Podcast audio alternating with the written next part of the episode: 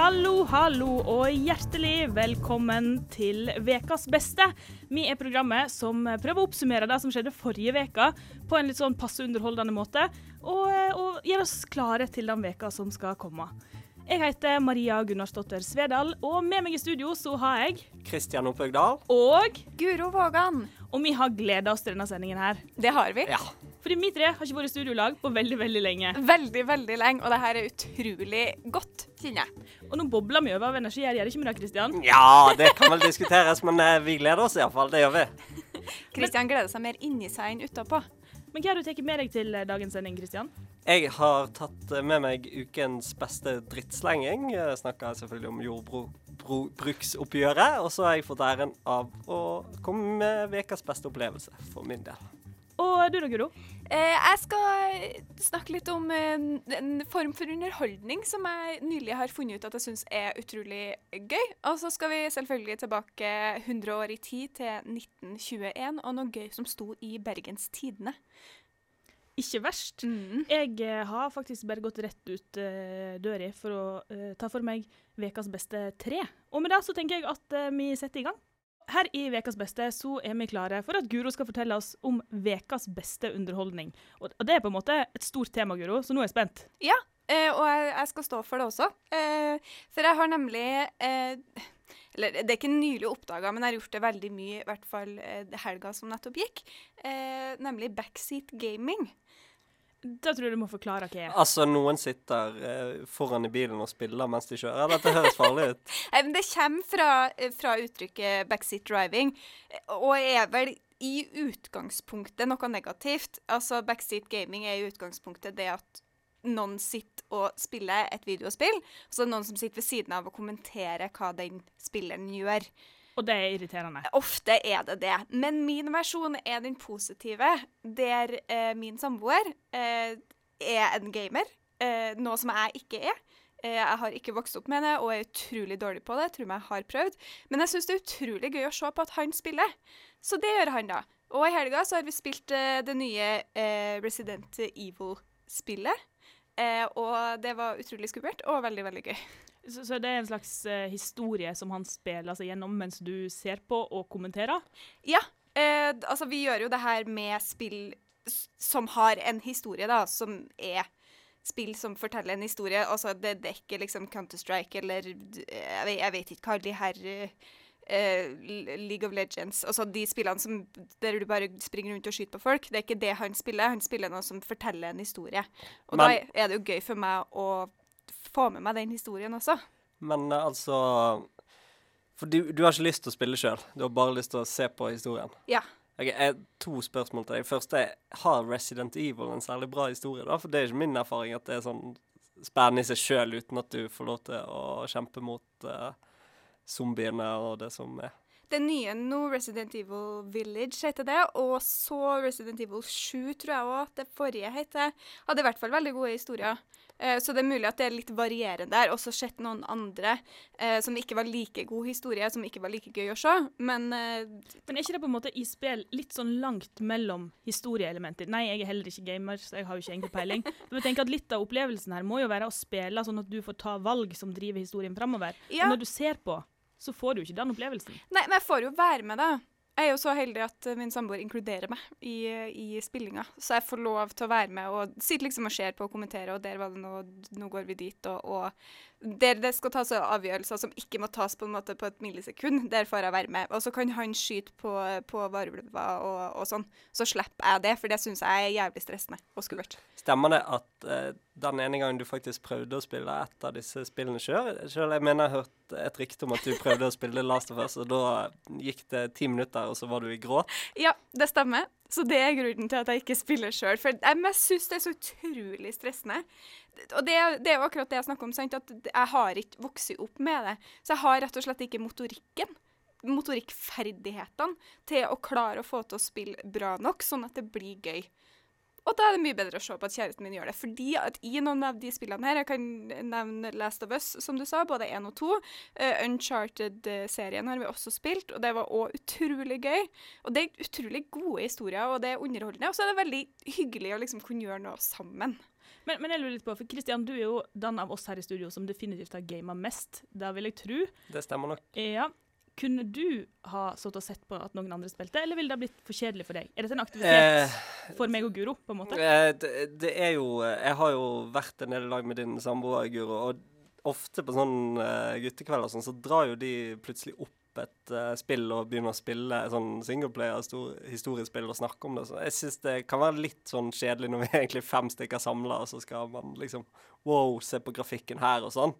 Men å spille et spill to stykker og bytte litt på styre og sånn, det, det tror jeg kan være veldig gøy på, for de fleste. Jeg ville ikke likt å sitte uten kontroll hele veien. Men eh, altså, det er jo Spesielt Last of Us har jo veldig god historie. Så Mm. Ja, så, skjønner at det er gøy. Så trikset her er at du må ha et, en godt fortalt historie, og så må folk som er med, inkluderes på den måten de ønsker å bli inkludert. Ja. Ja, absolutt. Jo, men da får vi vel si til eh, alle gamere som hører på, som har kjærester som er ja, alle, man, alle gamere som har kvinnelige kjærester som hører på, da kan vi si eh, 'call your girlfriend', sånn som eh, Robin gjør. Her i Vekas beste så pleier vi å kåre Vekas beste opplevelse. Og Kristian, du har fått ansvar for å oppleve noe denne veka. Ja, det har jeg. Og det er jo som kjent litt utfordrende disse tider, men det er på en måte Så jeg har juksa litt her. For det jeg på en måte har opplevd denne uken, er jo at jeg stadig ser at dette vaksinetallet stiger. Og til og med nå så hører jeg om eh, folk i min familie som er litt eh, oppe i årene, sånn, som har blitt vaksinert. Så på en måte det jeg har opplevd, da er denne her eh, drømmen om normaltilstand og at vi snart kan igjen bidra til å ødelegge planeten med unødvendige flyturer og til digge feriedestinasjoner. Og, ja, så, så på en måte drømt meg tilbake i tidligere opplevelser. Så, så din opplevelse er at du har tenkt på tidligere opplevelser i lys av at du nå ser at flere og flere blir vaksinert, og at det nærmer seg for din del òg? Ja. Så det, det jeg spesielt har tenkt mye på, er jo den gangen jeg holdt på å bli arrestert for å bade på Malta. Ja, for det er drømmen. Ja, men bare oppleve sånne sjuke ting igjen, da.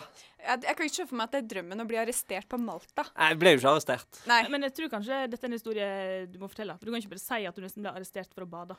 Nei, jeg, jeg kan jo fortelle. Det var, jeg var på Malta i januar 2018, tror jeg det var.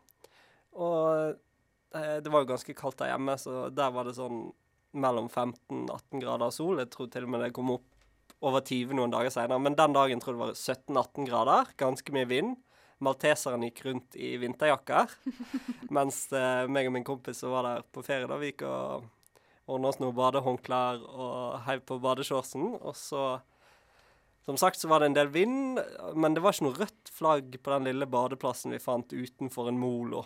Og hele Malta er jo en eneste stor eh, badeplass. Eller det er jo en øy med ganske Du kan bade omtrent hvor som helst. Ja, ganske smal øy, da. Men uh, ja, Så det var ikke noe rødt flagg der, så da tenkte jeg ja, blåser litt. Men her er det en naturlig oase som, uh, som skygger for vinden, så det er ikke så mye bølger her, og det er mulig å holde seg. Så her går jeg uti og så holder meg fast, siden det var ganske mye strømninger, da.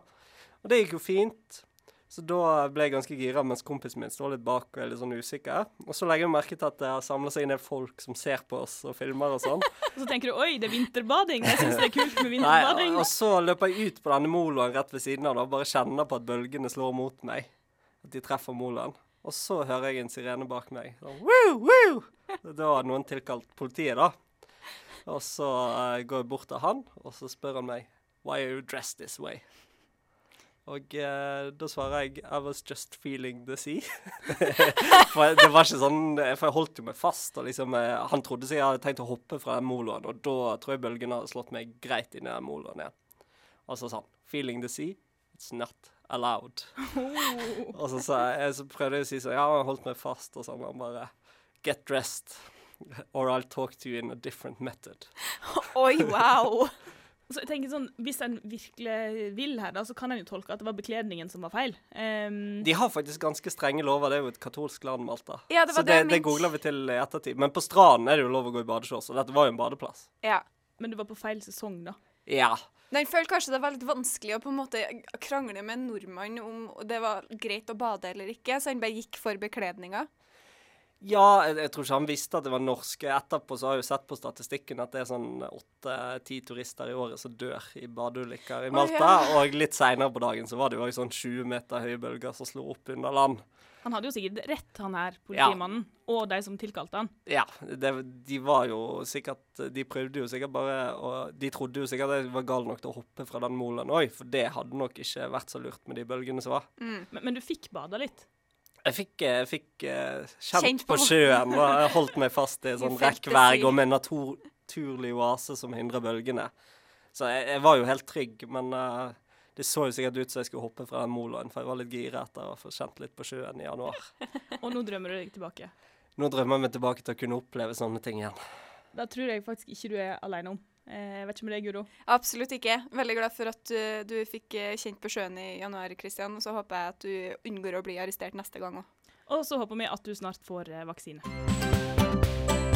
Studentradioen er endelig på DAB.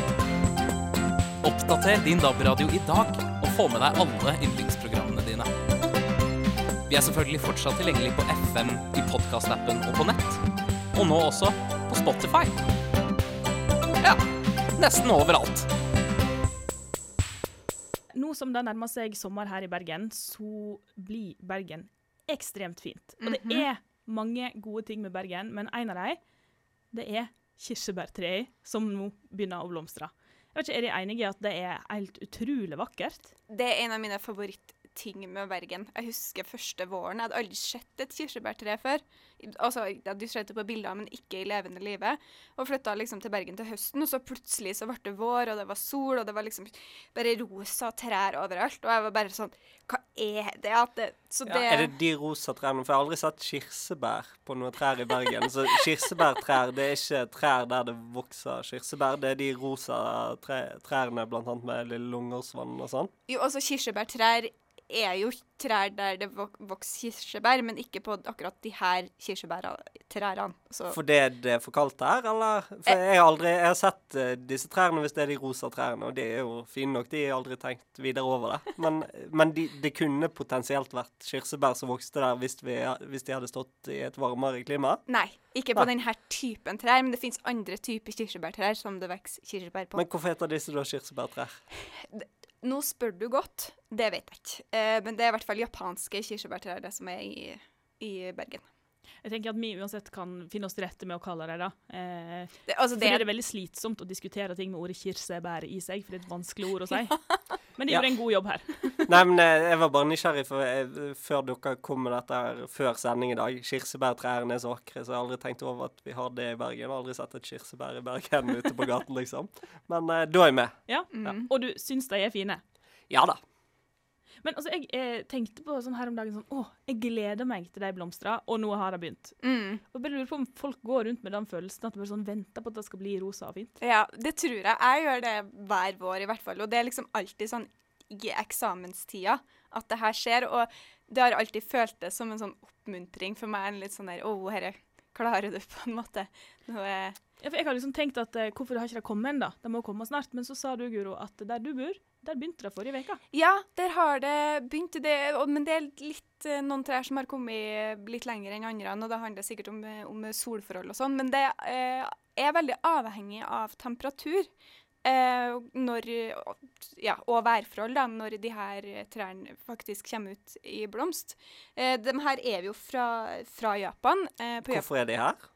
Eh, de er faktisk Dette var litt vanskelig å finne informasjon om, men eh, så vidt jeg kunne skjønne, så de første kirsebærtrærne i Bergen, i hvert fall de som er planta eh, i, i byparken ved eh, Lille Lungegårdsvern, de er en gave fra Tokyo etter eh, andre verdenskrig. Tusen takk, Tokyo. ja, sant? Eh, det er ikke alle, da, men noen av dem er det. det er de som er eldst og størst, de er en gave fra Tokyo. Og så kan det virke da som de bare fortsatte med det fordi de syntes de var fine. Ja, for det finnes litt forskjellige plasser i Bergen. Ja, du har dem i Byparken, du har dem eh, i Damsgård, rundt der jeg bor, og i eh, uff, Hva heter den, den Årstadveien? Og på Solheim kirkegård, tror jeg òg det er noen. Jeg har hørt rykte om at det er mange på Solheim kirkegård, sånn at en bør gå og sjekke ut dem. Så Ja. det er en plan for våren for min del. Ja, det har ikke jeg gjort ennå heller, så jeg visste ikke om det før i dag, så det skal jeg definitivt uh, sjekke, sjekke ut. Men uh, i hvert fall i Japan så er det her en, en stor begivenhet hver vår når de her kirsebærblomstene uh, Kirsebærtrærne blomstrer. Eh, sakura heter de på japansk, og da feirer man en høytid som heter for hanami. Som rett og slett er når kirsebærtrærne blomstrer. Så det finnes sånn varsel for når kirsebærtrærne blomstrer, og, og, hvor de blomstrer når, sånn at du rett og slett kan reise rundt. Og da går japanerne ut i de parkene eh, der kirsebærtrærne står, og så har de seg en liten sånn piknik med familie og venner under kirsebærtrærne og, og koser seg med god mat og, og, og venner og familie. Det, og bare nyte utsikten? Ja, det er tydeligvis en ganske stor begivenhet i Japan hvert år. Så det syns jeg høres utrolig hyggelig ut. Jeg er litt fascinert over hvor opptatt dere er av disse trærne og blomstring. For det, altså jeg er jo enig i at ting eh, blir jo finere når det blomstrer, men det er kanskje det at øynene mine alltid, alltid klistrer seg igjen med pollen, som gjør at jeg ikke setter like mye pris på det. At jeg har liksom en sånn indre det sammenfaller alltid med bjørkepollen, så det er litt ja. Uh, ja, jeg kan kjenne meg igjen i det. Jeg skulle akkurat si det, at Basert på engasjementet her i studio, så er det jo de som er tilflyttere til eh, Bergen. Ja, du er fra Os Kristian, men du har vært mer i Bergen i oppveksten enn meg og Guro. Altså, Vi er veldig mye mer engasjerte enn deg her. Så det, kanskje sammen med Dette er ikke uvanlig for deg, og pollen, så, så blir ikke du så gira av rosa tre? Nei. Så dere har ikke rosa trær i Sogndal og Namsos? Nei, jeg har aldri sett det før. Ikke så vidt jeg vet. Men eh, du kan jo kanskje tenke på det da neste gang eh, du ser det, Kristian, at for japanerne så representerer de her trærne eh, livet, og hvor forgjengelig det er. at liksom treet står så lenge, men, men blomsteren blomstrer så fort, og så detter de av like fort igjen. Ja, jeg syns jo dere var litt forgjengelige nå, så det kan jo være en fin assosiasjon. Du må tenke på det neste gang Ikke eh, forfengelig, Kristian. Forgjengelig. ja, ja. Du hører på en podkast på Studentradioen i Bergen. Flere podkaster finner du på srib.no. Her i Ukas beste så pleier vi å reise 100 år tilbake i tid, til 1921. Og Guro, du har tatt turen denne gangen. Har det dukka opp noe spennende? Eh, det har det, det kan man absolutt se. Og jeg vet ikke om, om, What a Wonderful World passer så godt i denne sammenhengen. fordi eh, jeg tror ikke de tenkte dem denne saken handler om. Eh, jeg kan i hvert fall si at true crime er ikke et nytt fenomen. Eh, for altså da på forsida til Bergens Tidende den 6. mai 1921 så står det altså om Lervik-mordene. Din fascinasjon med true crime, Guro, ja. det minner meg om et sitat fra femte boken Hitch, 'Hikers Guide to the Galaxy'-serien, når um, noen uh, på en uh, planet som uh, bare har opplevd tidligere ett romskipkrasj, at det var så blodig og voldelig at de eh, der og da ikke innså at det var underholdning. Men når de begynte å se det, fikk TV-kanaler og innså det, så så, så jeg har opplevd for lite fælt sånn nært på meg? Det, det du eh? Nei, eh, når du Du har opplevd såpass mye at du nå innser du at det, det, at det er underholdning. OK, så omvendt. Ja, jeg skjønner. Ja. Men i hvert fall, da. Eh, på Lervik i 1921 eh, så legger folk i, i, området rundt merke til at eh, det er en låve eh, som brenner der, og politiet blir tilkalt. Eh, og fordi eh, de som bor på gården, Knut og Bertha Bjelland, eh, som eier gården, og tjenestejenta Kristine Hansen, også kalt Kjæka, veldig fint kallenavn, eh, de dukker altså ikke opp. Eh, og de begynner da å bli redd for at de har brent inne i låven. Eh, og når, brann, når låven er brent ned, og det har blitt forsvarlig å gå inn, så går de da inn i låven, og der finner de tre lik. Men det blir fort tydelig at brannen ikke var dødsårsaken.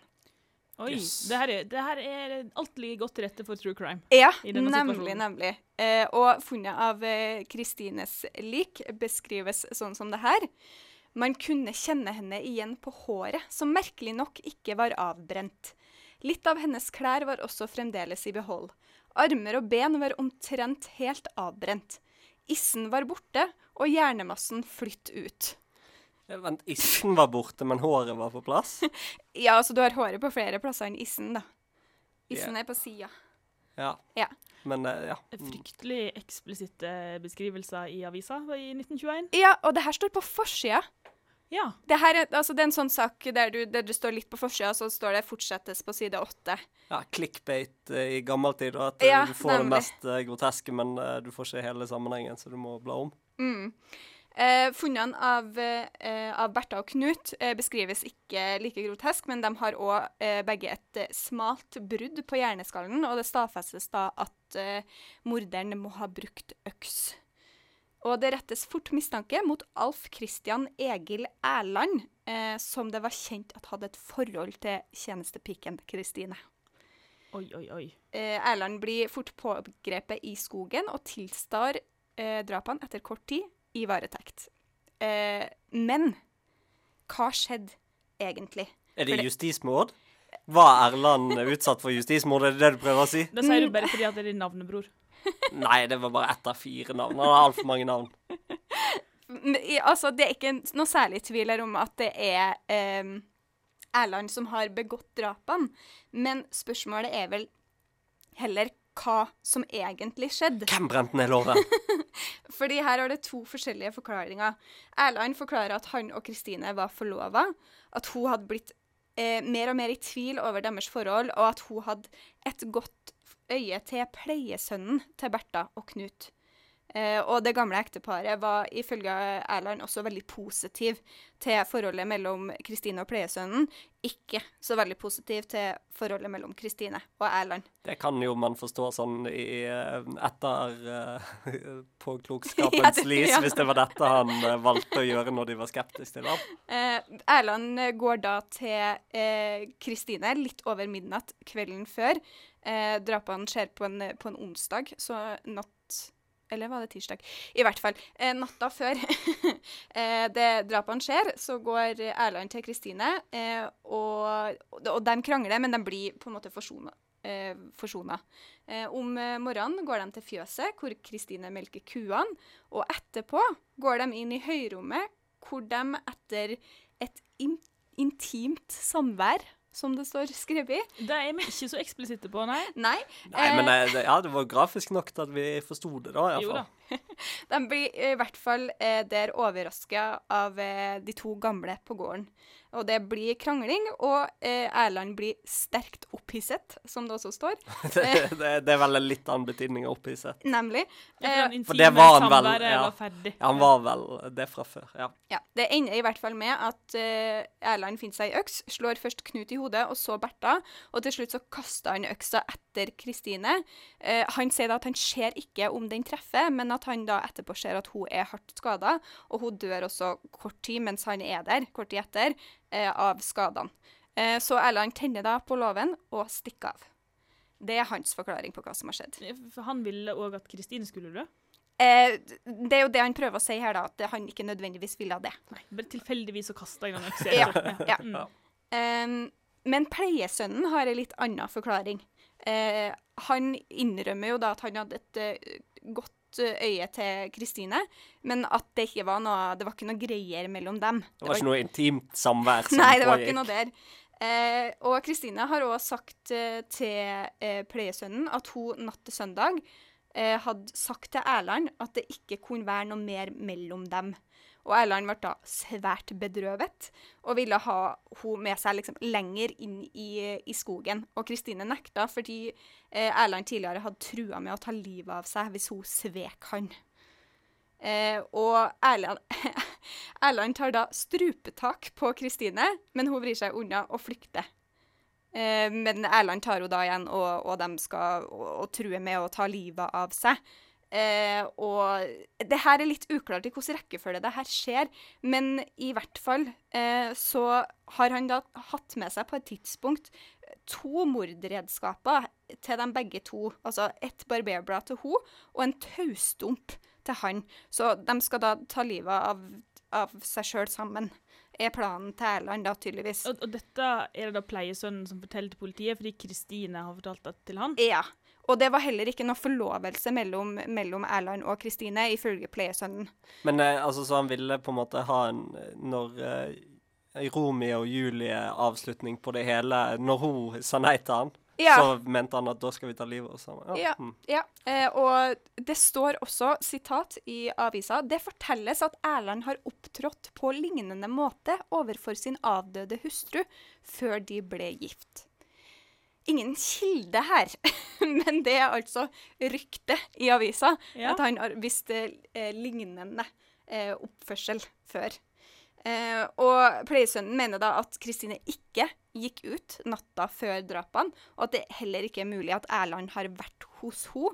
Og han mener da at Erland har venta i låven og først tatt livet av Knut, som gikk først ut den morgenen, og så tatt livet av Bertha og Kristine etterpå, når de også kom ut.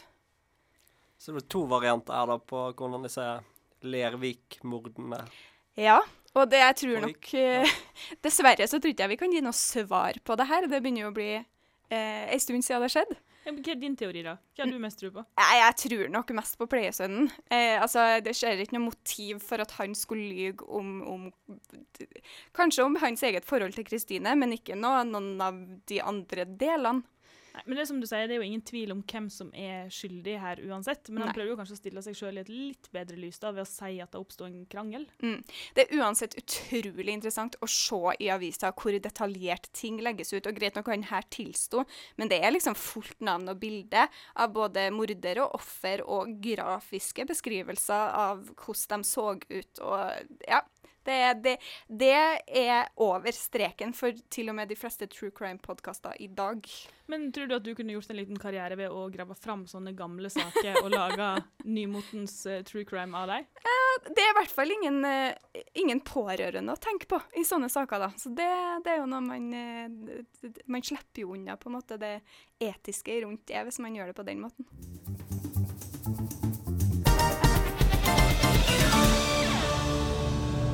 Som om det ikke var nok kjipe ting i, eh, før denne låten her, så har du klar for å presentere for oss nå, Kristian, ukas beste drittslenging. Ja, Er vekas det, er det like kjipt? Ja, det spørs vel uh, hvor man ser det fra. Det er også litt gøy. Eh, Det er jo eh, bønder over hele landet som eh, har aksjonert denne uken mot eh, tilbudet de har fått i årets jordbruksoppgjør. Så de har jo da bl.a. dumpet møkk utenfor Høyres hus, i tillegg til en rekke rådhus eh, som styres av politikere som representerer i alle fall Høyre, kanskje òg de andre regjeringspartiene. Eh, og fordi de vil markere at de syns det, det tilbudet de har fått, er et skikkelig møkkatilbud. Et skikkelig drittilbud.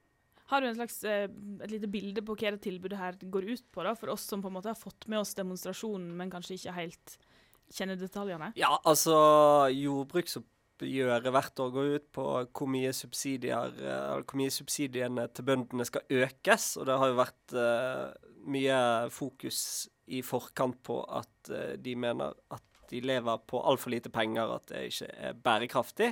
Og de har bedt om 2,1 milliarder i økte bevilgninger i år. Og har fått tilbud om 962 millioner, så under halvparten. Jeg skjønner jo at jeg er litt misfornøyd hvis de mener at de trenger 2,1 millioner. Milliarder. Milliarder, ja, selvsagt. Eh, så det da Ifølge NRK så vil det tilbudet de har fått, å gi en inntektsvekst på rundt 4,5 Og eh, ifølge, det, ifølge bøndene så lever de under minstelønn hvis du tar timeregnskapet deres, og da vil jo de ha en økning som er over det dobbelte av det, da.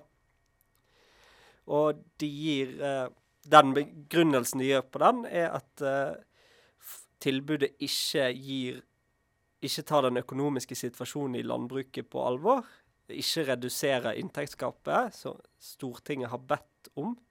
De sørger ikke for investeringer til jordbruket for å kunne gjennomføre Stortingets krav om løsdrift, og det fortsetter dagens retning mot større og færre bruk. Så de har jo da sagt nei til å forhandle i det hele tatt, og istedenfor da aksjonert med å dumpe møkk, i tillegg til å ha litt sånn påskrevne høyballer utenfor rådhus og et par vært noe- traktorkortesjer. Ja, traktorer som kjører. Altså, jeg tenker Det er den beste kortesjen, det er traktorer. Fordi det Ja. kjører ikke fortere uansett. Nei.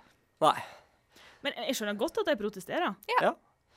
og jeg syns det er litt eh, gøy òg, at de markerer Det er jo kreativt. Det, det liksom De går jo rundt i dritt hver dag, så for dem så har jo ikke det noe, noe å si. Men det er jo ikke så gøy for de, de fine byfisene, kanskje. Og bare ordet møkkatilbud i seg sjøl. Ja. Nydelig. Ja, jeg, jeg er veldig fan av kreative eh, protester, i alle fall med folk som virker som de har en sak, ikke folk som brenner munnbind fordi at de eh, tror på pseudo- Mm. Eh, men eh, sånn, eh, altså, sånn folk som eh, kaster olje over seg utenfor et departement og lenker seg fast for å vise at verden er i krise, eller går inn i Stortinget og skriker, eller dumper møkk utenfor Høyres hus og sånn. Jeg syns det er veldig gøy med sånne demonstrasjoner. ja, og det skader jo ingen. En ting jeg eh, har lagt merke til Jeg gikk, eh, hørte på radioen at de hadde dumpa møkk utenfor eh, Høyres hus i Bergen. Så gikk jeg forbi der på vei til skolen bare fordi jeg har lyst til å se. Og da la jeg merke til at ja, de har dumpa møkk, men ligger oppe på en medbrakt presenning. Og hvis du ser på bildene fra de andre eh, opprørene rundt om i Norge, har jeg ikke sett noe møkk som ikke har vært på presenning. Nei. Og det syns jeg er veldig flott, fordi at de får vist liksom, det symbolske her. Og det lukter jo, men de kan òg rydde opp etter seg. Mm. Og det er litt sånn, også litt fin ting å gjøre. Litt for høflig da, kanskje. I alle fall, det hadde jo vært gøy hvis de på en måte i alle fall gikk i regjeringskvartalet, nå er jo det nedlagt, men eller i Landbruksdepartementet bare kilte det rett på eh, veggen der. Jeg er enig i at jeg syns det er mer høflig enn en politikerne kanskje fortjener, men samtidig så er det da ingen som kan ta dem på noen ting. Nei, det er veldig sympatisk protest. Ja, og det, og det, og det er fint, fordi at eh, veldig ofte så blir jo sånne ting til en diskusjon som ikke handler om, om det som var poenget i utgangspunktet. En, da hadde det blitt en diskusjon rundt hvem som skal rydde opp i denne møkka som bøndene eh, har lagt ifra seg, i stedet for en diskusjon om jordbruksopprøret. Så det syns jeg er det, Jeg syns det er positivt, jeg syns det er kreativt, jeg syns det er gjennomtenkt. Og bøndene generelt jeg, jeg er ikke så veldig inn i akkurat den saken, men som, som sånn halvveis eh, Hva skal jeg kalle det? Eh, Du er litt fra bygda. Ja, bøg, bygdejente. Eh, så, eh, så støtter jeg bøndene i, i det her. Jeg tenker altså, Vi støtter jo bøndene. Det er klart vi støtter bøndene. De vi vil ha norskprodusert mat, og da må vi støtte bøndene. Ja, og så er jo da spørsmålet hva neste steget, da, hvis det, de ikke kommer til enighet? Og da sier leder i Vestland Bondelag, Anders Feide, at da Han vil ikke si så mye, da, men de har planlagt aksjoner som kan vare ja, en tid framover. At det kan handle om blokkering av matutkjørsel, oppkjøp av mat og traktorkolonne. Enda mer traktorer. Så hakket mindre sympatisk, men kanskje litt eh, sterkere virkemidler. Ja, det, da er jo neste steg Nå står vi her i et radiostudio, ja, for dere to og sier dere støtter bøndene, men neste steg er jo da å få oss til å kjenne litt på hva, hva konsekvensene kan være hvis vi da mister tilgangen til melk en stund, eller ja, altså at de har lyst til å blokkere eh, vår tilgang som forbruker, så vi skal innse alvoret, da. Jeg tenker kjør på, jeg. Bønder kan ikke streike hvis de har dyr. Det går ikke. Så Mm. da må de ta andre eh, virkemiddel i bruk. Du hører på en podkast fra Studentradioen i Bergen. Flere podkaster finner du på srib.no. Begynner dagens sending å nærme seg slutten. Vi har lært om møkkatilbud og true crime fra 1921. Kirsebærtre som ikke har kirsebær på seg. Ja, det er veldig misvisende navn, altså. Men Ja. det, det, er fine, de rosa trærne. Det, det gir jeg dere. Og ikke minst at en skal være litt forsiktig med å bade eh, på Malta på upassende tidspunkt. Ja. Hva annet eh, tar dere med dere fra dagens sending? Nei, bare at det er veldig gøy å være med dere i, i studio igjen. Det, det var altfor lenge siden. Så det, det er hovedsak det jeg har tatt Ja, med meg. og så Ja, vi har jo egentlig bare én nyhetssak i dag, da. Det er jo denne om eh, bonde... Bondeopprøret mot jordbruksoppgjøret. Bondeopprøret mot jordbruksoppgjøret. Og nå ser jeg, nå tror jeg vi er inspirert i, for nå er de på vei fra Vang i Valdres, 30 stykker til Oslo. Nei, jeg tror ikke vi har noe med det å gjøre. Men det, det er iallfall én bonde nå som er på vei til Vang i Valdres, eh, 100 mil, og så er det 30 traktorer til som har hengt seg på, da. Så det Og de skal til Stortinget. Ja. det blir spennende å se de kjøre inn på Karl Johan der. Det er i hvert fall en god tur med traktor. Men Guro, det har dukket opp en ting her som du rett og slett glemte å meddele, som vi tenker Ja. at er ganske vesentlig del av denne her backseat-gamingen, eller baksetespillingen, hvis vi kan bruke et norsk begrep på det, eh, som du omtalte. Hva er liksom essensielt for deg når du sitter og ser på spilling? Jeg strikker jo da mens eh, min samboer spiller. Fordi ofte i, i, eh, i spill så er det ikke nødvendigvis alt som er like gøy å se på. Det er mye springing og oppplukking av, av ammunisjon og penger og alt mulig rart som, som er en del av det spillet vi spiller. Så ja, det er egentlig ganske vesentlig, og er også en del av min anbefaling hvis du skal være eh, baksetespiller. Eh, ha noe som du syns er gøy. Om du leser bok, eller om du syr, eller altså Det fins masse ting som man kan på en måte sitte i sofaen og gjøre. Ja, så følge med eh, litt ordentlig på innimellom, men du kan òg følge sånn Strikking kan du jo gjøre mens du ser på spillingen òg, hvis du ikke strikker det Ja, det har jo òg kommet frem en hemmelig opplysning om deg, Maria. Og det er jo at eh, du er en voldsom gamer når det kommer til kabal. Jeg, er ganske ivrig på kabal på mobilen. Du har til og med et eget eh, gamernikk. Ja, eh, på kabalspillet mitt så heter jeg da Jessa. Så, så da har jo du på en måte mulighet til å spille kabal og få samboeren din til å game noe historiedrevet. Så kan Ja, dere så det kombinere er det. shout-out til min kjæreste. Hvis du har lyst til å se på at jeg spiller kabal, og komme med forslag til hvilket kort jeg skal velge, så skal du selvsagt få lov til det, men da må du drive med håndarbeid ved sida av. En ting vi pleier å ha her i Vekas beste, det er motivasjonssitat. Og det er jo som alltid Ingrid som har ansvar for dette her. Og denne gangen her så var ikke det sånn at jeg sendte Ingrid en melding og skrev Ingrid, få motivasjonssitat nå, du må komme med det, det nærmer seg sending. Men hun brukte dette her oppriktig i vår Facebook-chat. Og Ingrid, som meg, sitter da og prøver å skrive innspurt, uh, innspurten av masteroppgaven sin, den siste rest. Og, og det er liksom Det er jo jobb. Det er mye som, som gjenstår, selv om fristen nærmer seg. Men Ingrid hun skriver da It ain't over till it's over. Det går ikke an å bruke det uironisk. Gjør det? Jeg vet ikke, jeg. Hun skrev det. Det er vanskelig å forstå ironi over eh, chat. Ja. Hun tar jo ikke feil. Men er det, er det noen som kunne gjort det, så er det vel Ingrid. Så takk for det motivasjonssitatet, må jeg jo bare si. Ja, og med det så eh, får vi bare ønske alle ei eh, god, god uke. og så snakkes vi jo ikke neste uke, fordi da er det 17. mai. Men vi sier takk for oss, og ha det bra. Ha det godt!